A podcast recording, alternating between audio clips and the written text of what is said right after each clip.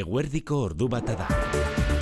Euskadi Irratian, Goizak Gaur.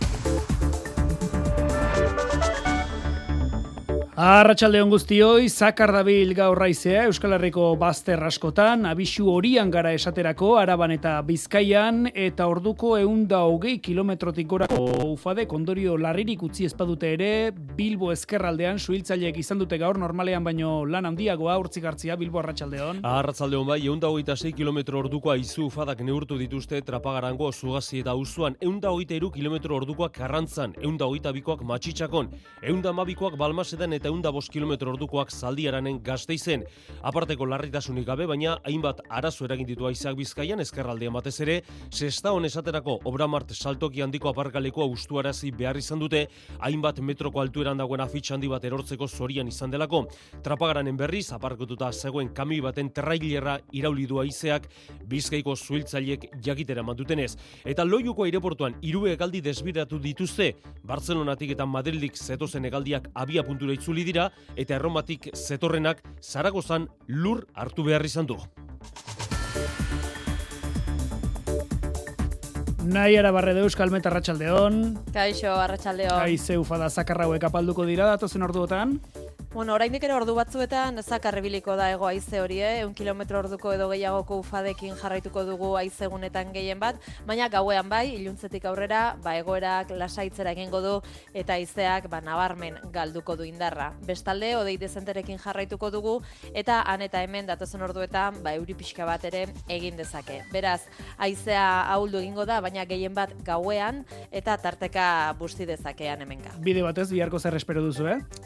Bueno, ba, bihar aizari dagokionez behintzat egoera asko lasaiagoa izango da, ego mendebaldetik edo mendebaldetik joko du, baina gaur baino indar gutxiagorekin, eta hori bai, oraindik ere odei dezente izango ditugu, egunaren hasieran eta euri pixka bat egin dezake. Arratxaleri begira berriz, atertuz eta ostarteak zabaldu joango dira, eta temperaturan printzipioz, maksimo eta behintzat, ba, aldaketa handiri gabe jarraituko dugu. Ederki, ba, gainerakoan igotza alkorta arratsaldeon. Arratsaldeon inigo. Bizkaiko garraio partzuergoak eta gipuzkoako garraio agintaritzak etzi berrikusi ikusiko dute pertsonalizatu gabeko barik eta mugi txarteletan aurten euneko berrogeita marreko beherapenak ez ezartzeko erabakia. Bereziki bizkaian eragindu ezin egona erabaki horrek lurralde horretan herritar gehien gehienek erabiltzen baitute barik txartela pertsonalizatu gabe edo berrogeita mar irurogeita mar bideiako bonori gabe. Gaur dozenaka lagunek elkarretaratzea egin dute hainbat gizarte eragile eta sindikatu deituta, garraio publikoaren aldeko apusturik ez egitea leporatu diote bizkaiko aldundiari Odei Rodriguez bozera maila. Hau bereziki larria erutzen zaigu kontuan hartuta Bizkaiko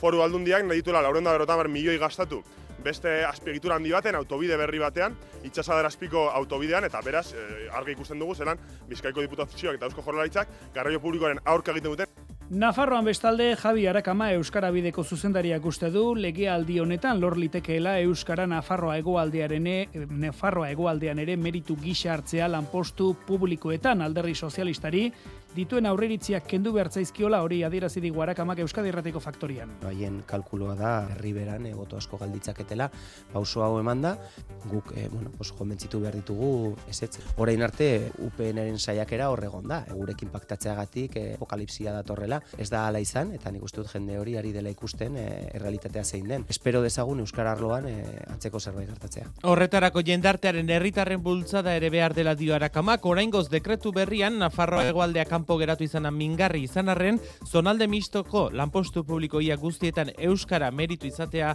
aurrera pausua dela defendatu du Javi Arakamak. Beste erronka bat jarri du Euskara bidearen zat, elduen Euskalduntzearen doakotasuna lortzea legealdi honetan. Espainiako alderri sozialistaren iritziz gorroto delitua da urte zargauean, Madrilen, Ferraz kale aurrean, Pedro Sánchezen irudi bat zintzilikatu eta makilka dakatxikitu izana.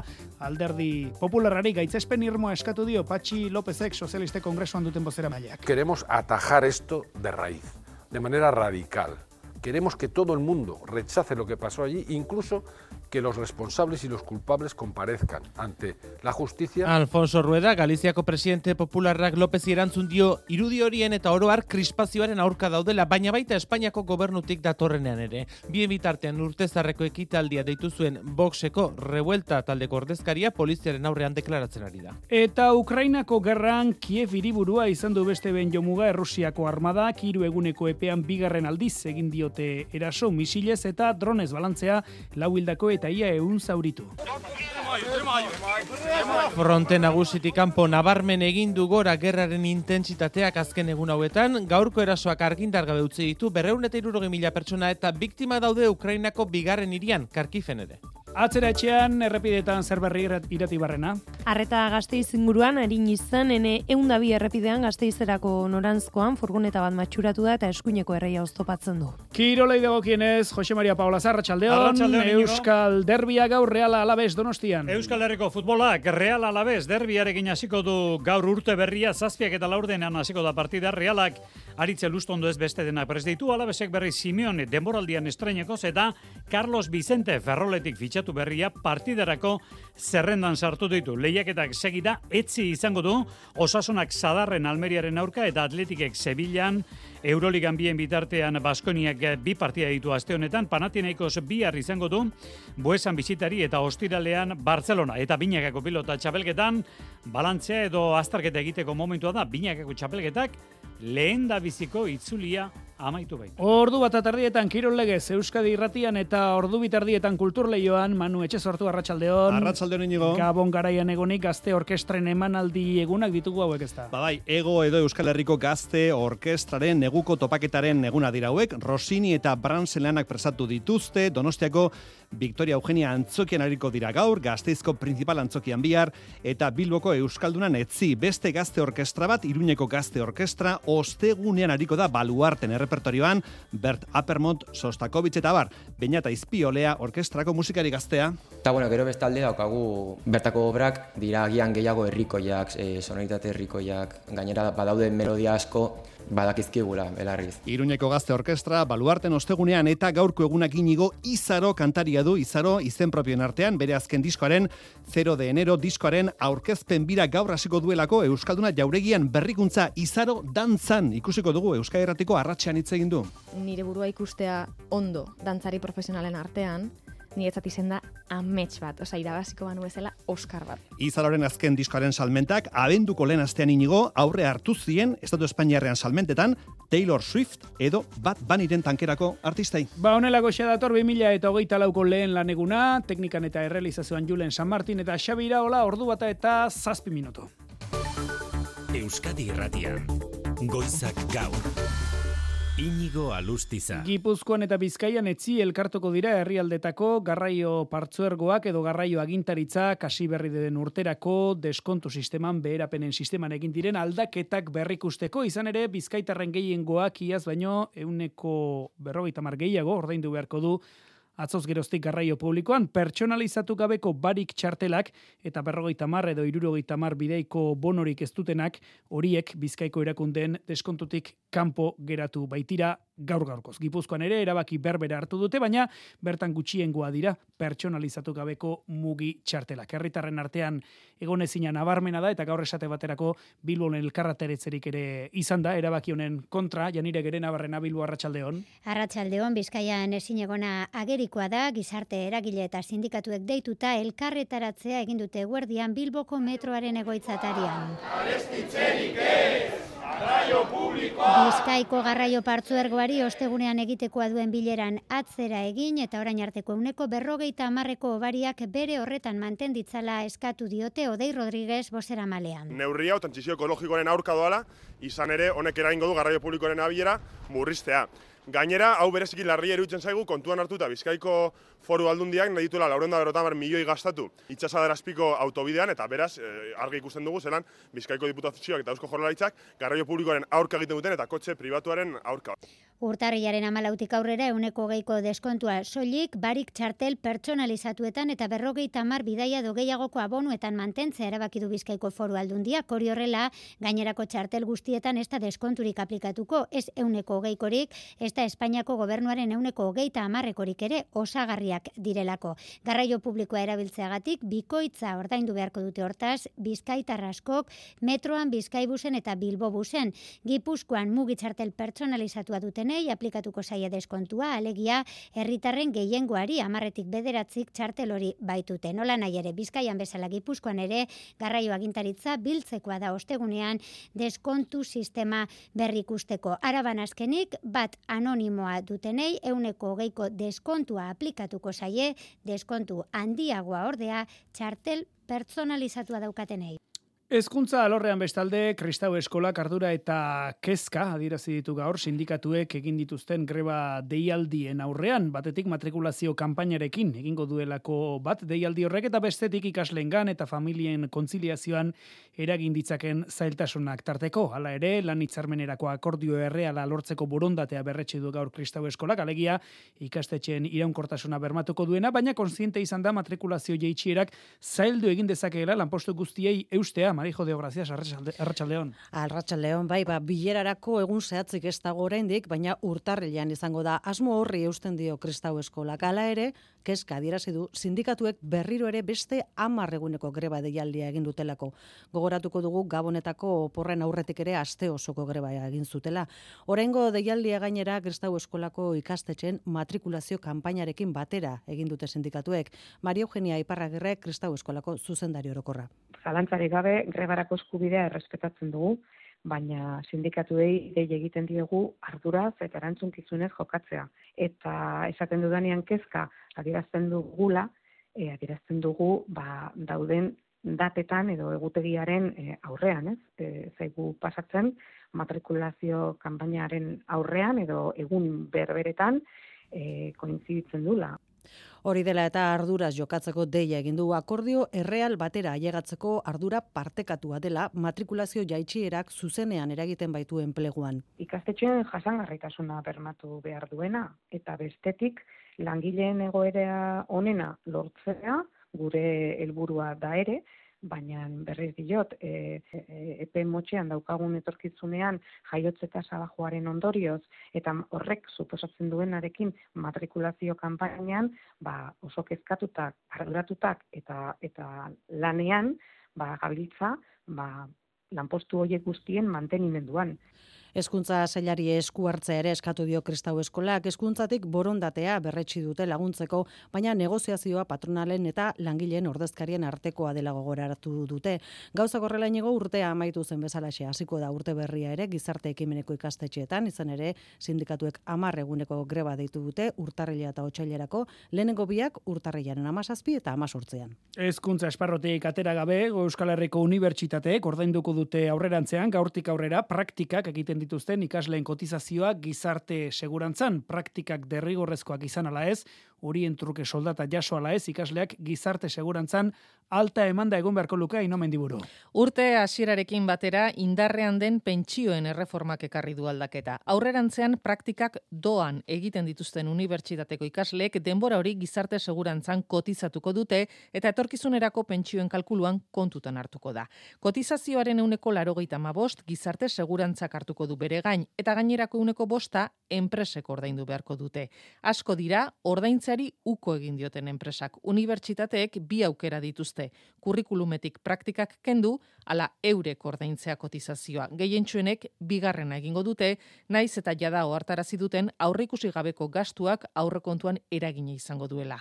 Lege aldaketak ez du atzera eraginik, hala ere, Uneotan, praktiketan diren ikaslek gizarte segurantzarekin hitzarmen berezia sinatzeko aukera dute. Orain artean, praktiketan emandako denbora hori kotizatutzat ardadin. Praktiken truke dirua kobratzen duten ikaslen kasuan, 2008 urtetik kotizatzen dute gizarte segurantzan. Eta urte berriak berarekin dakartzan aldaketen atalean, erne, bintet, wallapop, eta antzekoak erabiltzen badituzue, izan ere, Urte berriarekin batea, tokian tokiko gasunek datu fiskalak bilduko baitituzte, baldin eta erabiltzaileek hogeita mar salerosketa baino gehiago egiten badituzte edo, 2000 eurotik gorako diru sarrerak badituzte. Hala ere, horrek ez du esan nahi salerosketa horiek zergapetu egingo direnik, xetasunak maialen narratibelek, arratsaldeon. Arratsaldeon bai, Europako araudiak alaskatuta, Wallapop, eBay, Vinted eta antzeko plataforma digitalek aurrerantzean alabearrez, zenbait erabiltzaileen operazioen berri eman, eman beharko diete, tokian tokiko ogasunei, zein kasutan ba erabiltzaileak hogeita mar salerosketa gainditzen baditu, edo 2000 eurotik gorako diru sarrerak lortzen baditu. Kasu horietan, plataforma bera jarriko da kontaktuan erabiltzailearekin eta eskatuko dizkio datu batzuk tartean bizitokia, bankuko datuak, egindako salerosketen kopurua eta tasarik kobratu bada, ba hori ere bai. Hala ere, informazioa jaso baino ez da egingo, Bizkaiko foru ogasunetik ziurtatu digutenez, helburua delako iruzur fiskalak ekiditea batez ere, kontrolatzeko salerosketa horien atzean ez dagoela enpresa bat edo jardun ekonomiko bat. Ogasuneko iturrien arabera, beharrezkoa da erregistro bat egotea, izan ere geroz eta gehiago erabiltzen dira bigarren eskuko salmenta plaza horiek, estatu mailan adibidez, amar herritarretik seik erabiltze, erabili dute inoiz gisa honetako plataforma bat. Ordu bata eta laurden Javier Arakama Euskadi, Euskara bideko zuzendari berria izan dugu gaur gonbidatu Euskadi irratiko faktorian Euskarak Nafarroan dituen erronken ingurua nizketan Nafarro osoan Euskara ofizializatea hori da helburua norabide horretan urratsak ikusiko ditugula esan digu arakamak, besteak beste, bizpairu hilabete barru sortako sartuko baita indarrean Euskara Administrazioan arautuko duen dekretua eta foro parlamentuan zonifikazioaren eztabaida ere zabalduko da. Ofizialtasuna lortzeko gakoa ordea, alderdi sozialista konbentzitzea izango dela esan dugu, Eli Iraso Arratxaldeon. Arratsaldean bai, izan ere txibiteren gobernuaren akordio programatikoan etzuen lortu geroa bai, ofizialtasuna jasotzea laitortu du Javi Arakamak, baina ez du amore emanen eta euskara bidetik aleginduko da bide hori jorratzen. Horretarako Nafarren gehiengoa euskarara bildu nahi du, sozialistek euskararen ofizialtasuna bermatuko duen gehiengoa albidetu dezaten. Gaur gaurkoz euskararen aldeko apostuak botoak galaraziko dizkion beldurrez ikusten baitu PSN. Haien kalkuloa da herriberan e, boto asko galditzaketela, pauso hau emanda, guk e, bueno, pues, jomentzitu behar ditugu ezetz. Horein arte, UPNren saiakera horregon da. Gurekin paktatzeagatik e, apokalipsia datorrela. Ez da ala izan, eta nik uste dut jende hori ari dela ikusten e, errealitatea zein den. Espero dezagun Euskar Arloan e, antzeko zerbait gertatzea. Bide horretan nahikoa ez, baina pauso garrantzitsua jo du arakamak bizpairu hilabete barru indarrean sartuko den Euskara Administrazioan arautuko duen dekretua, ere mumistoan, iruñerrian kasu, Euskara meritutzat hartuko duena. Nafarroan, e, Euskara merezimendu gisa baloratu daiteken lanpostuen euneko laro marrean baloratuko da. Hau kuantitatiboki oso garrantzitsua da. Aldi berean, kualitatiboki guretzat e, ikustea Nafarroako hegoaldea kanpoan gelditzen dela oso mingarria da eta simbolikoki oso txarra da. Ez? Eta legealdi honetan bertan, helduen euskalduntzea doan izatea, egingarri ikusten dituen erronken artean kokatu du arakamak. Alderdi sozialista aipatu dugunez, pesoerin iritziz gorroto delitua da. Urtezar gauean, Ferraz kalean, Pedro Sánchezen irudi bat zintzilikatu eta makilkadaka txikitu izana. Eta alderdi popularari gaitzespen irmoa eskatu diote gaur sozialistek, ba, ekintza horren aurrean, bide batez urtezarrako ekitaldi hori deitu zuen boxeko ordezkaria poliziaren aurrean deklaratzen da. Une honetan, Mikel Arregi Madril, Arratsaldeon. Bai, Espainiako poliziak egunean zehar hartuko dio deklarazio urtezarrez ferrazen eskuin muturreko ospakizuna deitu zuen pertsonari ikusteko zer leporatzen dioten, baina pesoetik gogor jokatzeko eskatu du gaur Patxi López kongresuko bozemaileak. Lópezen ustetan gorroto delitu baten aurrean egon gintezke eta horregatik azken hilabeteotan eskuin muturraren partetik izan diren irain eta jazarpen kanpainekin amaitzeko eskatu du. Queremos atajar esto de raíz, de manera radical sin ningún pero, sin ninguna equidistancia. López, que eskuin ningún... muturrari leparatu badio gertatutakoaren ardura, peperi eskatu dio, eren egun gaueko gertakariak garbi gaitze txilitzala, sozialisten ustetan eskuinak arerio politikoa etxai moduen irudikatu ostean datoz eskuin muturraren erasoak, ba pepetik gaur erantzuna Radio Nacionalen Alfonso Rueda Galiziako presidenteak, imágenes que no deberían producirse en ningún caso y por lo tanto tranquilidad, moderación eta moderaziorako deia egin eta krispazio oro gaitzetsi du ez bakarrik boxen ingurutik datorrena baita haren ustetan Sánchezek eta Pesoek eskuinaren kontra egiten dutena haien kontrako arresi eraikitzeko deia egiten dutenean. Montu zabalean Ukrainako gerran erasoak nabarmen areagotu dira azken egunetan alde batean zein bestean. Azken orduotan Ukrainan Kiev eta Kharkiv hiriak izan ditu jomuga Errusiako armadak misil eta drone eraso horretan lau pertsonail eta dozenaka zauritu dituzte eta baita azpiegitura zibilak kaltetu ere. Une honetan argindarri gabe dago Ukrainako hiriburuaren zati handi bat Landerra Izagirre Arratsaldeon. Arratsaldeon bai iazko neguko kanpainaren tankera hartu du Ukrainako gerrak Kiev hiriburuaren aurkako erasoak argindar gabe utzi ditu berreun eta irurogei mila herritar urteko bigarren egunean, baina azpiegitura zibilez gain etxe bizitza blokeak ere jo dituzte misil errusiarrek Kiefen eta Jarkifen balantzea, lau hildako eta larogeita amabi zauritu hauetako batzuk ondakin artean harrapatuta. Azken aste honetan frontetik kanpoko erasoak areagotu dituzte bi aldeek Ukrainarrek Krimeako itsasarmada kaltetu ostean Errusiak berrogei pertsona hil zituen Kiefen aurkan misilak jaurtita eta gaurko eraso hau berriz Errusiako Belgorod hiriaren aurka egindakoaren erantzun gisa hartu daiteke atzo eman zuen horren abisua Vladimir Putin presidenteak. Мы, мы со своей стороны будем наращивать Izan ere erasoen intentsitatea areagotzea agindu zuen Belgoro denildako hogeita lau herritarrak gogoan. Erantzuna, larogeita emeretzi misil eta dozenaka dron izan dira Ukrainako gobernuaren arabera. Urrunago Japonian berrogeita zortzi dira gutxienez, atzo herrialderen mendebaldea astindu zuen lurrikarearen ondorio zil diren herritarrak berrogeita zortzi hildako, baina kopuruak gora egin dezakela, oartarazi dute agintariek desagertuta dauden pertsonen bila jarraitzen baitute ondakinen artean ekaitzagirre. Lurrikararen ondoren ezarri zuten tsunami alerta, bertan behera utzi du Japoniako meteorologia agentziak, baina ebakuatu zituzten herritarrei etxera ez itzultzeko gomendatu diete bada ezpadako neurri gisa. Lur astinduak olatu handiak eragin ditu, dozenaka eraikin behera erori dira eta ondakinen artean aurkitu dituzte hildakoen gorpuak berrogeita zortzi orain artean gehien gehienak suzu eta uajima hirietan. えー本日16時6分頃石川を震源とする地震が Fumio Kishida, Japoniako lehen ministroak esan du bilaketa lanak areagotu egingo dituztela, baina lan horiek zailtzen ari dira etengabeko erreplikak eun eta hogeita hamar erregistratu dira azken orduetan. Noto penintxularen iparraldea da ere mukaltetuena, garraio sarea, tren zerbitzua eta hegaldi gehienak bertan behera utzi dituzte. Badain zuzen, lurrikarak kaltetu duen eremura abiatzekoa zen Japoniako kostazainen hegazkin batek eta Japan Airlines konpainiako beste batek istripu ikusgarria izan dute Tokioko aireportuan. Egazkinean zijoa zen, irureun eta irurogeita emeretzi bidaiariak onik atera dituzte, kostazainetako bost aldiz, hile egin direla baieztatu dute agintariek, egazkinak su hartu eta barruan harrapatuta geratu dira. Gutxitan, gutxitan ikusten da, egazkin bat sutan Japoniatik iristen ari zezkikun irudi horietan ikusi daitekeen bezala. Eta urtea aldatuta ere, ekialde hurbilari begira jarraitzen dugu, Israelgo armadak berreun pertsona hilbaititu azken orduotan gazan gerraren hirugarren faserako trantsizio honetan borroka eta eraso nagusiak Gaza erdialdean eta hegoaldean, iparraldean aldiz soldaduak erretiratzen hasi da Israel lander. Gaza iparraldera itzultzen hasi dira milaka palestinar, Israelgo armada bere soldaduak erretiratzen hasi ala, etxearen ordez, ondakin multzo bat aurkitzen dute askok, baina beraien lurra ura dela eta ez dutela alde egingo diote. Sei hilabeteko epea jarri dio Israelek gerraren irugarren fasioni. Gaza iparraldean soldaduen kopurua murriztu dute eta erdialdean zein hegoaldean ari dira orain batipat borrokan.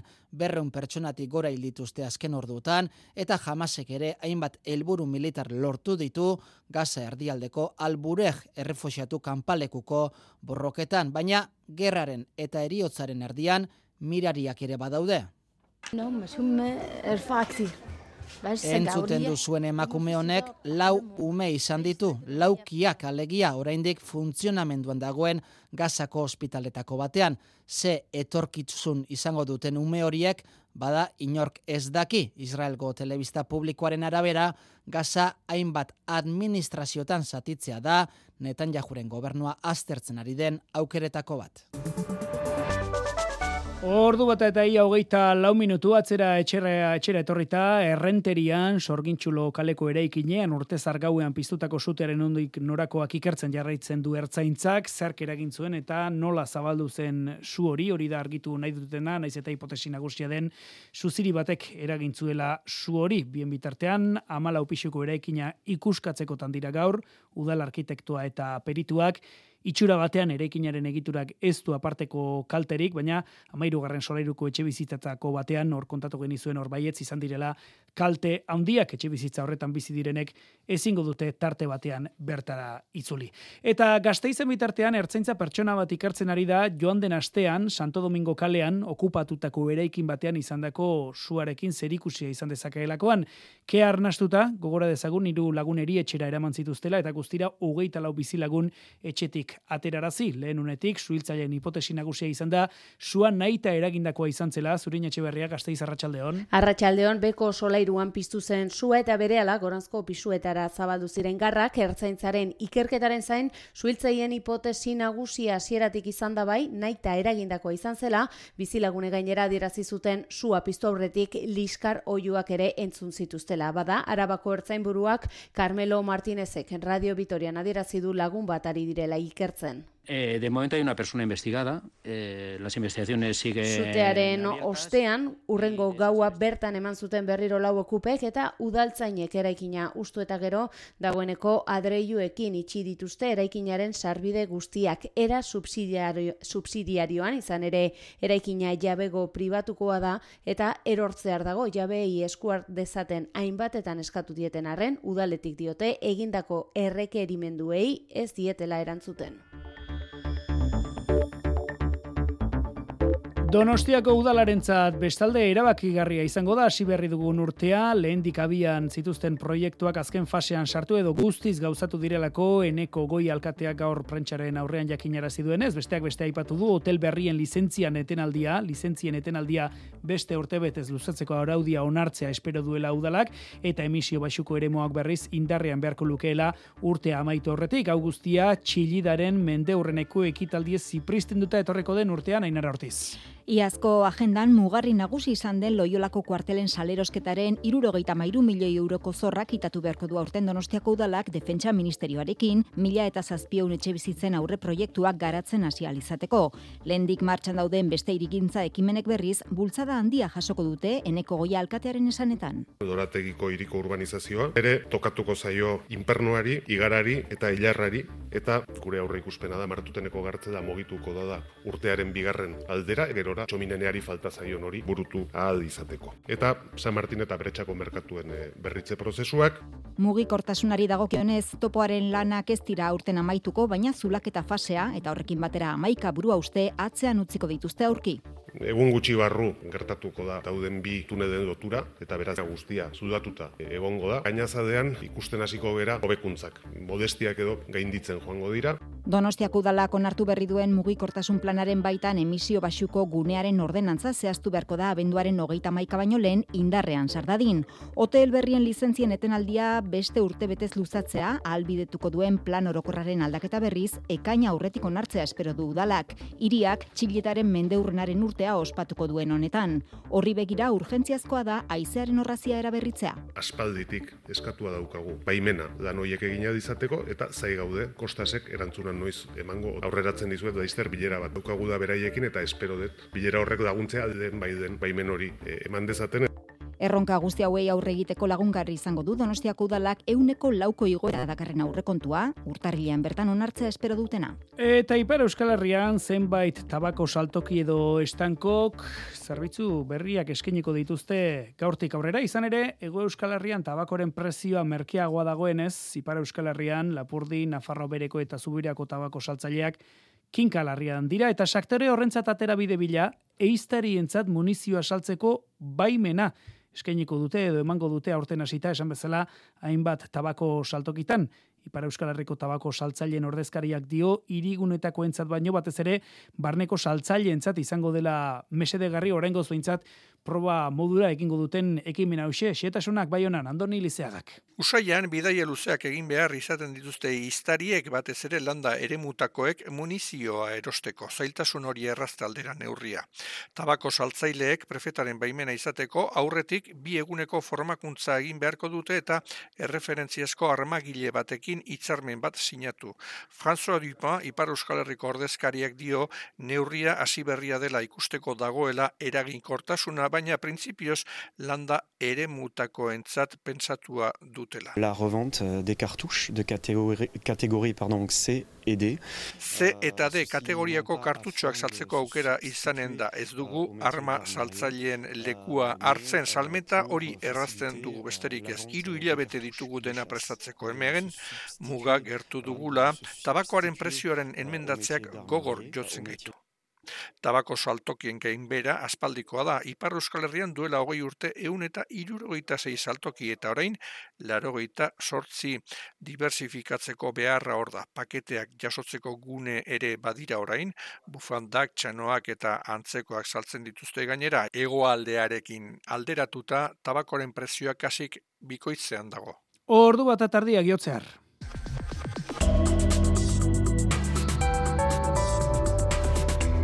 Euskadi Irratian, eguraldia eta trafikoa.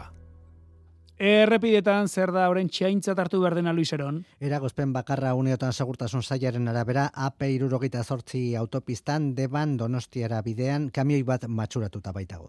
Eguraldiari dagokionez, zakar dabil gaur raizea, Euskal Herriko txoko askotan, pixkanaka, pixkanaka, izeu fada horiek baretuko direla aurreratu digu Euskalmetek. Arratsaldeon, arratsaldean oraindik ere egoaizea zakar ibiliko da, 100 km orduko edo gehiagoko ufadekin haizegunetan, baina gauean egoerak lasaitzera egingo du eta haizeak nabarmen galduko du indarra. Bestalde odei dezenterekin jarraituko dugu eta han eta hemen euri pixka bat egin dezake datozen orduetan. Beraz, haizea uldu egingo da gauean eta tarteka zertxo bait busti dezake.